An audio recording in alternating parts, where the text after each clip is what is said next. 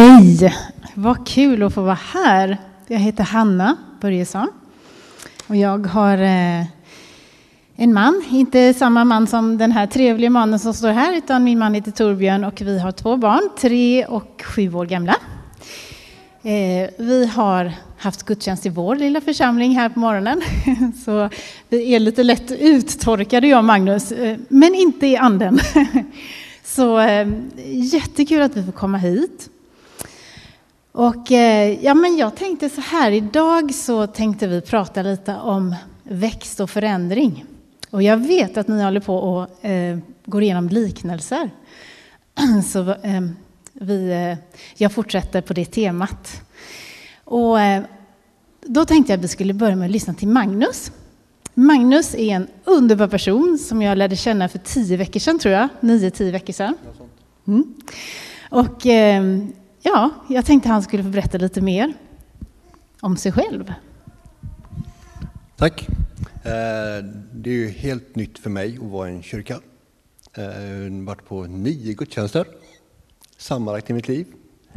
Eh, men mitt vittnesbörd började, kom till 11 september 2013 när man kom till livet att man inte visste vad som var vikt, vad som, vad som fanns, hur livet skulle se ut, hur det skulle vara, vad som skulle ske dagen efter, vad som skulle hända. Eh, I samma veva detta sker så får jag ett... Det är mitt på, mitt på dagen, klockan är typ tre, fyra. Eh, det blir kolsvart runt omkring mig. Jag ser ett långt, långt, långt, långt ljus. Långt bort. Jag är på Shell på Ullevi, vid, en bensinstation. Och det blir som kolsvart. Ser bara ett lång, en lång tunnel med ett ljus i. Jag anade inte vad det var då. Idag vet jag vad det är. Uh, idag vet jag att han ropade på mig. Men eh, då visste jag inte. Jag brydde mig inte jättemycket om det. Jag upptäckte att han började putta in mig i rätt väg. Sedan kom vi till sommaren för tio veckor sedan. Eh, när det hände lite privata saker. Som man upptäckte att så här ska det inte vara för att överleva. Och eh, då fattade jag vad livet handlar om. För då valde jag att lämna över mig till Herren helt och hållet. Och eh, aldrig varit så nervös i hela mitt liv. Jag kommer ihåg att jag skickade tre sms till Hanna som eh, jag raderade innan jag skickade dem. Men jag är oerhört stolt glad över mig själv, att jag vågade lämna över mig och att jag vågar stå upp för den jag är idag och våga visa att jag faktiskt är älskad. Och att man kan komma som man är till en församling till en kyrka. Det är inte, för min del är inte det självklart. Men när jag står här idag så är det bland det vackraste man kan göra. Och faktiskt våga vara sig själv och ha, ta bort ett skal. För inför Herren så finns inga skal. Det finns bara kärlek. Och det är bland det vackraste han ger oss. Och det är det vackraste vi kan ge några andra. Det har jag fått lära, lära mig under de här tio veckorna. Hur jag ska leva, hur jag ska lära det vidare. Och det gör jag varje dag med hjälp av Hanna, med hjälp av Winjards församling. Och det är inte alltid lätt, men jag försöker och än så länge så tror jag att jag lyckats. Och det viktigaste är inte att jag lyckas, utan det viktigaste är att jag vet att han där uppe älskar mig för den jag är. Tack Magnus. Jag kan bara säga att eh, Magnus är den ivrigaste församlingsmedlemmen vi har. Han är alltid där nästan en timme innan. Han hjälper till att koka kaffe.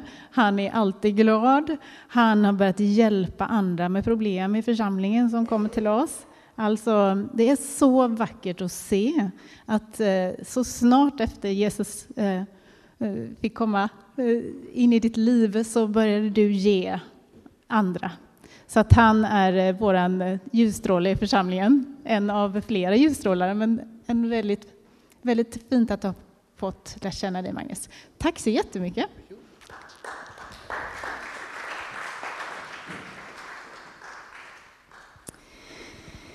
Idag ska vi prata om förändring. Gud, jag och förändring har jag skrivit här.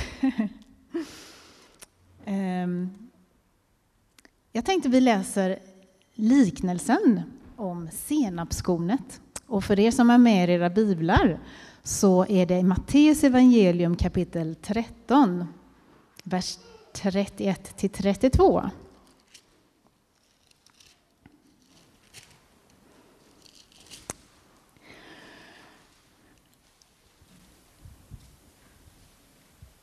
Han la fram en annan liknelse för dem, Jesus alltså. Himmelriket är som ett senapskorn som en man tar och sår i sin åker. Det är minst av alla frön, men när det har växt upp är det störst av alla köksväxter och blir ett träd så att himlens fåglar kommer och bygger bo bland grenarna. Den är så kort och bra så jag tar den en gång till. Han la fram en annan liknelse för dem Himmelriket är som ett senapskorn som en man tar och sår i sin åker. Det är minst av alla frön.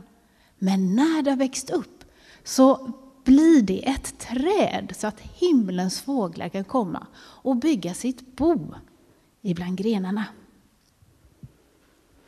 Det här är en liknelse om Guds rike Matteus han kallar eh, himmelriket, eller Guds rike kallar han för himmelriket. För att förstå den här liknelsen så behöver vi förstå vad Guds rike är. Guds rike, det är Guds aktivitet i världen. Rätta mig Joel om jag har fel, jag har en, en teolog här. Eh, det är där Gud råder. Det är där hans goda vilja är i omsättning där hans vilja kommer till uttryck. Och Guds rike, det var det centrala i Jesus uppdrag. Det var därför han kom, det var vad han sysslade med hela sitt liv.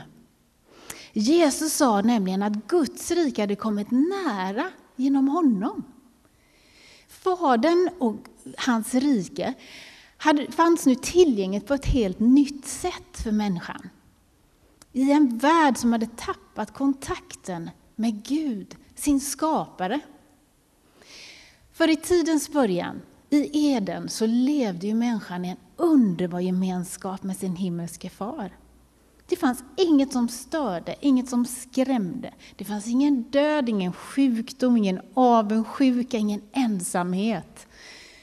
Men de första människorna de vände sig bort ifrån Gud för att de ville gå sin egen väg. De ville inte leva med Jesus som sin Herre. De gjorde uppror mot Gud och det kallar vi för syndafallet. Syndafallet ledde till att ondska, våld, förtryck och död kom in i världen. Den här världen blir infekterad. Vi är infekterade och skadade av synden.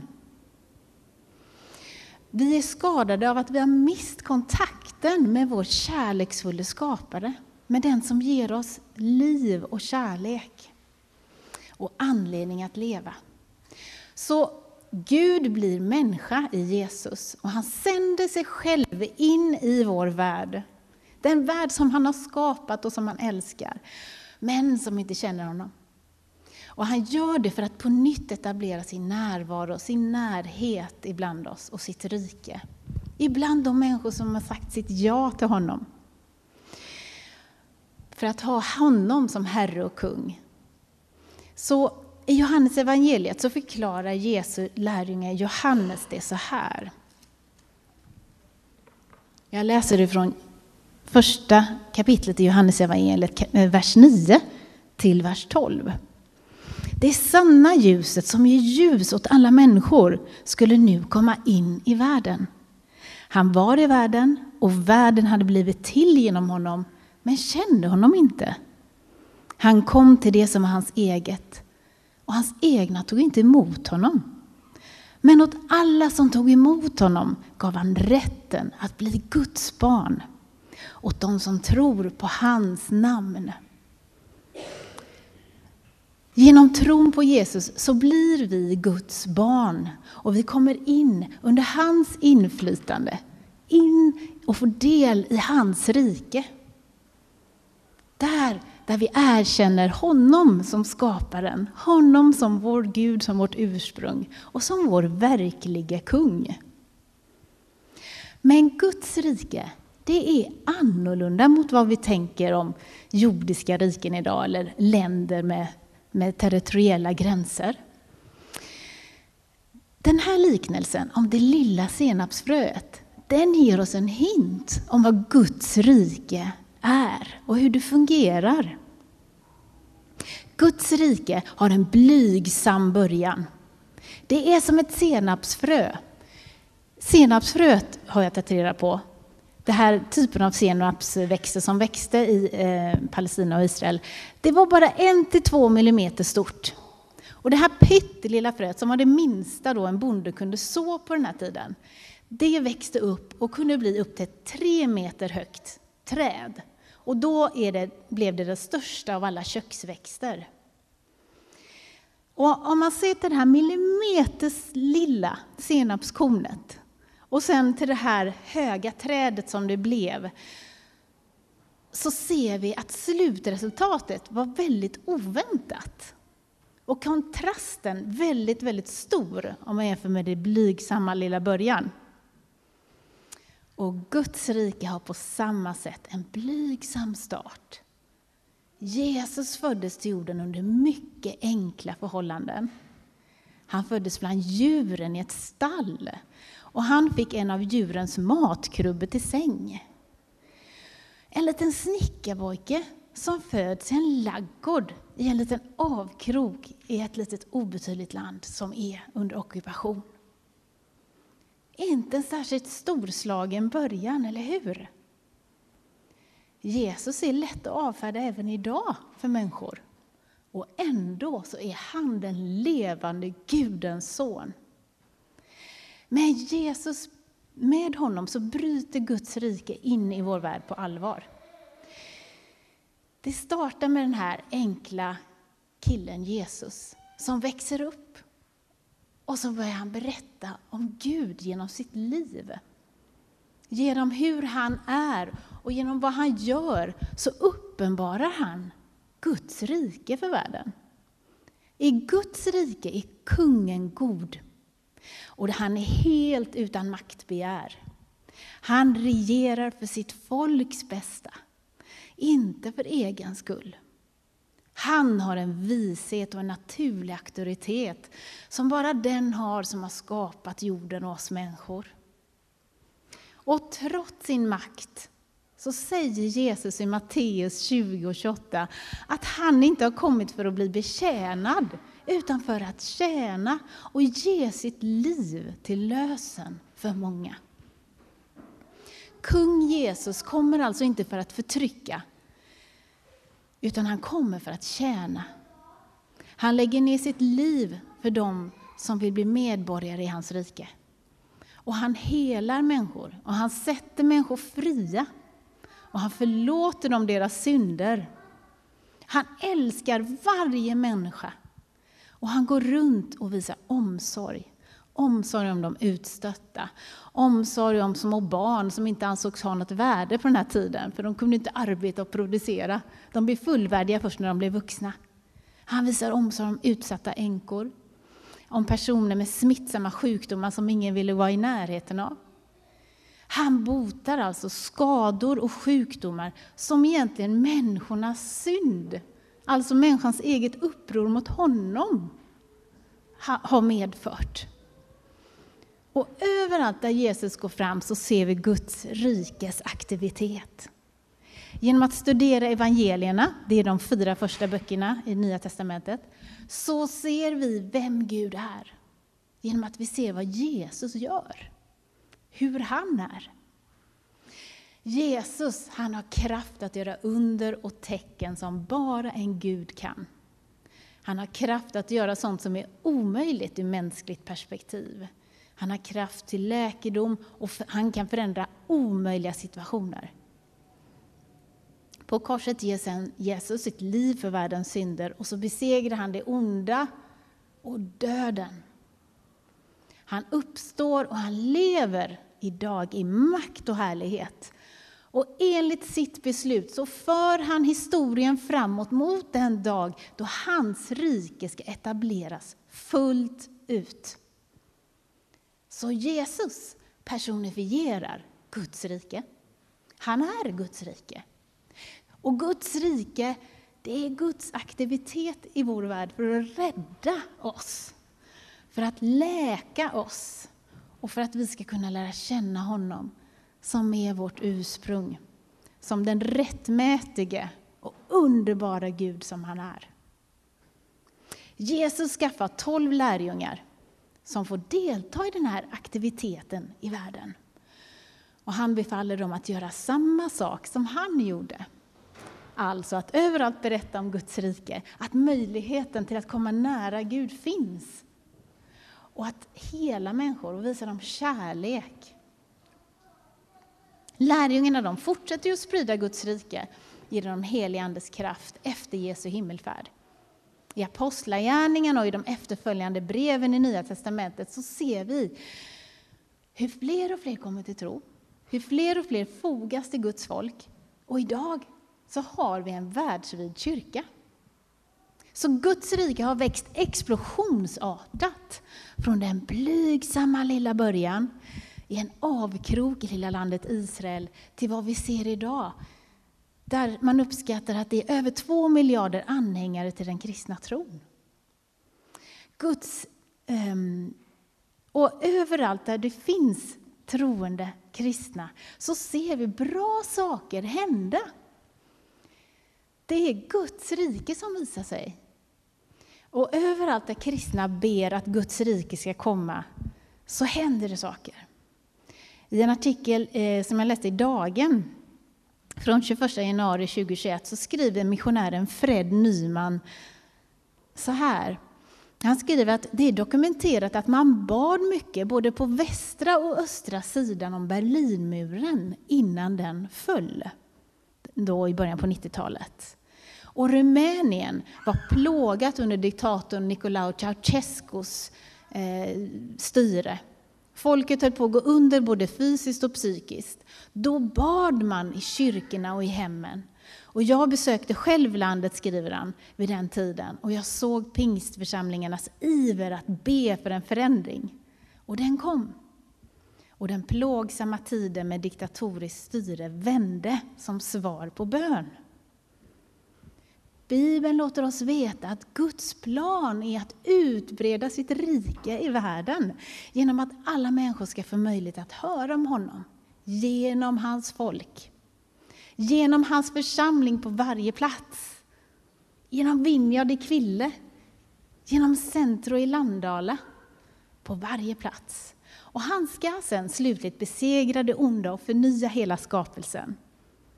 Så Guds rike är bestämt till att växa. Och det kommer att fullbordas när Jesus kommer tillbaka. Och då upprättar Gud sitt rike fullt ut. Och det beskrivs så vackert i Bibelns sista bok, i Uppenbarelseboken, kapitel 21, vers 1-5. Och så säger Johannes så här, som beskriver en syn från Gud. Jag såg en ny himmel och en ny jord. Den första himlen och den första jorden var borta och havet fanns inte mer. Och jag såg den heliga staden, till nya Jerusalem, komma ner från himlen. Från Gud, redo som en brud som är smyckad för sin man. Och jag hörde en stark röst från tronen. Se, nu står Guds boning bland människorna. Han ska bo hos dem, och de ska vara hans folk. Och Gud själv ska vara hos dem, och han ska torka alla tårar från deras ögon. Och döden ska inte finnas mer, ingen sorg, ingen gråt och ingen plåga. Det som förr var är borta. Och han som satt på tronen sa, se, jag gör allting nytt. Kontrasten mellan Guds rike och världen som den ser ut idag, den är stor. Eller hur? Överallt så ser vi ondska och själviskhet. Vi ser krig, vi ser förtvivlan, vi ser sjukdom och död. Och vi ser tillbedjan av allt annat än den som har skapat oss. Men i Guds rike däremot så kommer Gud vara totalt närvarande, mitt ibland sitt folk. Och vi kommer alla kunna se och fullt ut känna Herren som älskar oss. I Guds närhet finns ingen skam och ingen sorg och plåga. Gud själv ska torka våra tårar för gott. Det kommer inte finnas någon brist på mat eller någonting annat. Det kommer inte finnas sjukdom eller död eller ont i knäna eller spänningshuvudvärk. Eller, det kommer inte finnas. Det finns ingen, ingenting som kommer skrämma oss mer. Det finns bara trygghet, kärleksfull gemenskap med en underbar Gud och glädje. Det här är vårt mål och det är det underbara hoppet som ligger framför oss. Men av den här starka kontrasten mellan vår värld och Guds rike, den värld som, hur den världen ser ut som står under hans inflytande, av det så förstår vi att vägen till Guds rikes utbredande måste innebära förändring. Liknelsen om senapskornet visar oss att Guds rike har en lågmäld början. Men det har också lågmält börjat invadera vår värld genom Jesus. Och det har börjat växa. Jesus börjar förvandla människor och miljöer. Inte med våld, makt och förtryck, utan med undervisning, med kärlek, med goda gärningar och under i Guds Andes kraft. Och Jesus uppmanar nu oss att göra samma sak. Det är Guds plan att vinna så många som möjligt i den här världen tillbaka till sig. Så han låter onda och goda leva tillsammans i den här världen, sida vid sida. För att hans rike ska nå så många som möjligt. Och när de, eh, så att de får höra om honom och kunna ta ställning och kunna ta emot honom och bli läkta. Det är därför Jesus säger att Guds rike har kommit, men vi samtidigt vet att det har inte kommit fullt ut. Vi lever i en spänning, i en mellantid, där det finns både ont och Guds rike. Under den här tiden så verkar Gud aktivt i världen idag. Han är en levande Gud. Vi tror på en levande Gud. Guds rike är därför bestämt till att växa och bli något mycket större och radikalt annorlunda än vad vi ser idag. Och det är Guds plan för världen. Han vill vinna den tillbaka till sig och han vill göra det genom oss, genom sin församling. Så Guds rike det kommer tydligaste uttryck i hans folk. Vi som har sagt ja till Jesus och som har bjudit in honom att vara Herre i våra liv.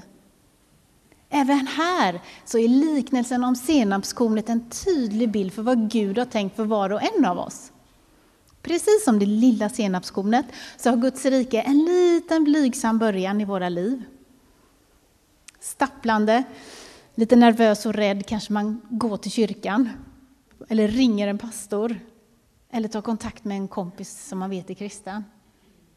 Det börjar lite försiktigt. Men när vi människor inser att vi inte är kungar, att vi behöver Jesus, den sanne kungen. Och vi böjer oss för honom och vi ber att kom in i våra liv. Då börjar Guds inflytande kärleksfullt och lågmält förvandla oss. Vi börjar bli hans söner och döttrar. Vi börjar bli de han verkligen skapat oss till att vara. Vi kommer till oss själva när vi kommer till Gud.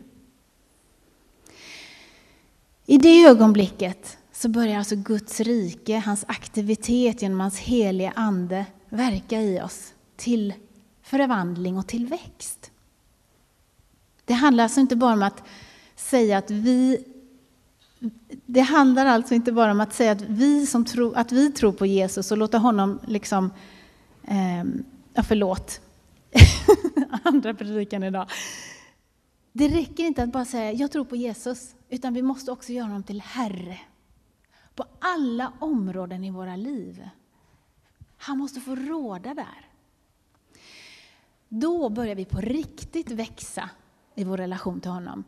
Och då börjar vi förvandlas av hans kärlek och vi börjar bli mer och mer lika honom. Jag vet inte hur det är med dig, men de flesta som kommer till tro på Jesus i vuxen ålder har ett tydligt före och efter. Livet utan Jesus för mig, det var väldigt mörkt. Det var tomt, det var ensamt och det var ett ganska plågsamt liv. Jag hade många problem. Jag mådde dåligt, jag led av ångest. Jag var självisk, så jag hade ganska dåliga relationer till människor. Eh, och jag hade också mardrömmar, systematiska mardrömmar varje natt. Men efter jag började, efter jag lämnade mitt liv till Jesus, så började bra saker att hända. Jag fick förbön för mina mardrömmar, till och med två dagar innan jag blev frälst, och de försvann. Från den kvällen när jag gick och la mig. Jag kunde börja gråta, vilket jag inte hade kunnat i vuxen ålder. Tillsammans med Jesus började jag kunna bearbeta och möta mitt förflutna och ta tag i massa grejer som hade gjort väldigt ont. Jag började läka. Ångesten försvann. Plötsligt en dag kände jag, vad konstig jag känner mig. Vad är det? Nej men vänta nu. Är det så här man kan må? Är det så här skönt det känns att inte ha ångest? Jag, jag, hade inte, jag visste inte det. För jag levde med det i mitt liv. Liksom. En dag var den väck. Jag upplevde hopp och mening. Mina relationer blev bättre. Guds rike hade nått mig. Jesus var nu min stora längtan och min kärlek och jag ville följa honom. Jag började läsa Bibeln och jag insåg mer och mer hur djupt Jesus älskar mig. Hur djupt han kände mig och hur gott det han lär i sitt ord var. Plötsligt så tänkte jag bara, men det är ju så här det är. Ja, men det stämmer. Ja, men det här är ju så bra. Plötsligt så var det något som var sant och rätt och riktigt. Det fanns faktiskt en sanning. Så trots att jag var fullvuxen när jag blev frälst, jag var 28 år, och jag var färdigutbildad jurist, jag var, ja, så började jag förändras. Och det ordentligt. Mitt inre blev helt och jag började mogna. Och för varje år så blev jag lite mer lik Jesus. Och jag hoppas jag fortfarande är i den processen. Eller det är jag. Det här började få återverkningar i min omgivning. Min pappa började ta sin tro på Jesus på allvar. Han började gå till kyrkan. När han såg den här stora förändringen i mitt liv. Jag behövde inte ens säga så mycket. Jag började känna för människor som inte mådde bra omkring mig eller som var i nöd på olika sätt. Jag började dela med mig. Jag tog ett fadderbarn. Jag började ge 10% av min lön till kyrkan.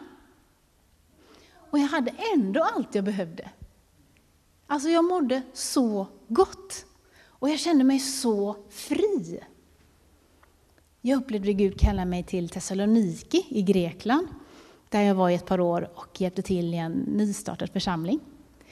En kväll, och det var en ruskig, stormig, regnig kväll, så knackade det på dörren till min lilla lägenhet. Och det var en liten lägenhet. Den var så liten så att när min pastor ställde sig så här, så kunde han nudda väggarna. Och så var den långsmal så. Eh, men i alla fall, det knackade på min dörr och när jag öppnade så stod det en gråtande kvinna där som nyligen hade börjat komma till vår församling. Hon berättade att hennes man hade slagit deras sjuårige son och henne och slängt ut henne i regnet. Utan pengar, plånbok, hon hade bara sin gamla mobiltelefon. Hon var otroligt orolig för sin son. Mannen var grek, hon var invandrare. Och enligt grekisk familjerätt så är chansen för en invandrare att få vårdnaden om ett barn som man har med en grekisk maka väldigt, väldigt små. Vi bad desperat tillsammans till Jesus att han skulle hjälpa oss på något sätt. Plötsligt efter vi hade bett så fick jag idén att hon skulle ta upp sin mobil och bara kolla om hon kunde spela in på den. Och det kunde hon, även fast det var en väldigt gammal modell. Eh, så vi övade på det några gånger. Och så sa jag till henne, gå tillbaka till lägenheten. Och när din man öppnar dörren så stick ner handen i handväskan och tryck på inspelning. Och det gjorde hon. Och jag låg på knä och bad hela tiden medan hon var borta. Och jag var ju jätteorolig. Tänk om jag ställer till det nu här. Tänk om han skadar henne allvarligt. Jag visste inte. Men jag bara låg där och bad och hon ville absolut gå tillbaka för sin pojkes skull. Då. Så snart mannen öppnade dörren så slog han henne och hotade att döda henne. Allt kom med på inspelningen. Hon sprang därifrån, gick till polisstationen, de spelade in det, hon lämnade en rapport. Och med den polisrapporten så kunde hon så småningom få delad vårdnad med mannen och barnet. Och mannen visste ju hela tiden att hon skulle ta det, kunna ta det ytterligare och, så att det blev en brottmålstalan. Innan, så att till slut så då fick hon ju kontakt med sin son och han, ja, hon fick vårdnaden om honom då. Eh, men innan då, innan allt detta hände så kom hon ju tillbaka den här kvällen och hon hade varit hos polisen. Hon hade inget jobb. Eh, mannen hade försörjt dem, så innan hon fick ett nytt jobb så fick hon ju flytta in till mig. Och vi hade ungefär samma storlek, så hon, eh, ja, men vi delade på mina kläder, vi delade på min mat. Eh, det var lite dyrt med el redan då i Grekland, så vi hade inte så mycket värme, men vi satt där i toppluvorna på kvällarna, lyssnade på Andrew Womack av någon anledning, på hans predikningar, prisade Gud och bad, och det var så märkligt. För att vi visste ju ännu inte riktigt hur det skulle sluta, men ändå så fyllde Gud oss med sin glädje. Och vi hade det helt fantastiskt i den här lilla lägenheten. Guds rike var där hos oss. Och jag hade fått växa till ett träd där någon annan kunde söka skydd och tillfälligt få bo. Precis som för Magnus så hade mitt liv förändrats från den tiden som jag gav mitt liv till Jesus. Det var en smygande process som jag knappt ens hade lagt märke till själv. Alla vi som tror är bestämda av Gud till att mogna och att bli ett träd som andra kan finna skydd i. Som de kan hitta sitt hem och sin väg till Gud i genom. Och även vi som Guds församling är bestämda till att förvandlas och att växa. Den här församlingen kan verka liten och obetydlig. Men den är bestämd av Gud till att växa och förändras. För när nya människor kommer till tro så blir det en annan dynamik här inne. Det blir annan sammansättning av människor, en liten annan atmosfär. Någon som tycker man ska ha gula gardiner istället för inga. Eller som hellre dricker te än kaffe. Och så måste vi förändras. Och det gör vi när vi låter Herren få bestämma. Där han får råda där förändras saker och ting och det växer. För ett träd som fåglar kan bygga bo i är radikalt annorlunda än det lilla, lilla senapskornet. Och när fler kommer in i vår gemenskap så, så finns också möjligheter för fler att finna sitt hem genom de personerna. När jag gav mitt liv till Jesus så förändrades mitt liv radikalt jag hade aldrig kunnat föreställa mig vad jag skulle bli. Jag hade aldrig för, kunnat föreställa mig att jag skulle stå och predika i kyrkor. Jag som var livrädd att stå inför andra och prata. Jag som fick ta betablockerare som advokat när jag skulle ja, tala på någon konferens för att hålla mig lugn. Jag hade aldrig kunnat ana Guds plan för mitt liv. Magnus tog emot Jesus för några veckor sedan och han har börjat förändras, tror jag vi kan säga. Det är väldigt vackert att se. Och vi vet ännu inte vad Magnus kommer bli i Guds rike om ett tag. Men han kommer förändras och han kommer att växa och han kommer bli ett träd och kan välsigna andra människor med sitt liv. Du är också tänkt att växa och förändras och välsigna andra med ditt liv. Du är Guds lilla planta som han vårdar, älskar och vattnar. Du har kanske inte heller fått hela bilden av vad Gud har tänkt med ditt liv. Men så är det med Guds rike. Och det är Gud som verkar med sin kraft och sin kärlek som gör att vi förändras. Och så behöver vi göra vår del. Så vi går upp på morgonen och vi gör vår del och så går vi och lägger oss. Och nästa morgon så går vi upp och så gör vi vår del och så går vi och lägger oss. Och så verkar Gud fram växten under den här tiden. Vår del för dagen kan vara att ta en stund med Jesus och Bibeln innan jag går till jobbet. Det kan vara att hålla i husgruppsträffen på kvällen fastän jag känner mig lite trött. Det kan vara att fixa fika till söndagsgudstjänsten. Men vi gör vår del och sen gör Gud resten. Vi går upp, vi gör vår del och vi går och lägger oss. Under tiden så växer det. Och det blir rik frukt.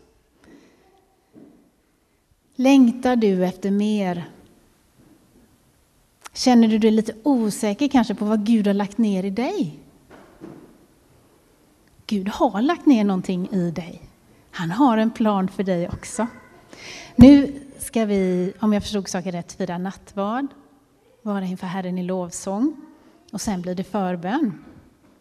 Så om du vill komma fram till mig eller någon annan förebedjare i förbönen så ber vi väldigt gärna tillsammans med dig om vad Gud har tänkt att du ska bli. Eller om du känner att du fastnat i växten. Eller om du känner att det är som en liten skör planta som behöver mer vatten. För ni vet, plantan växer bara underifrån av starka rötter ner i Guds kärlek, i Faderns kärlek. Det är där förändringen börjar. Så då ber vi hemskt gärna för dig. Tack Herre Jesus för din underbara närvaro. Tack för vad du kan göra. Tack att du kan komma med förändring där det inte finns hopp. Tack att du kan hjälpa oss att, eh, att våga ta nästa steg. Jag ber att du möter oss nu, att du talar till var och en av oss här inne, Herre, om våran växtprocess. Om vad du har för oss. I Jesu underbara namn. Amen. Ja, just det. När vi, under lovsången här inne så fick jag också, jag, jag tror det kan vara någon som har matsmältningsproblem här inne. Och om du känner igen dig i det så ber vi hemskt gärna för dig också, om att Gud ska läka det.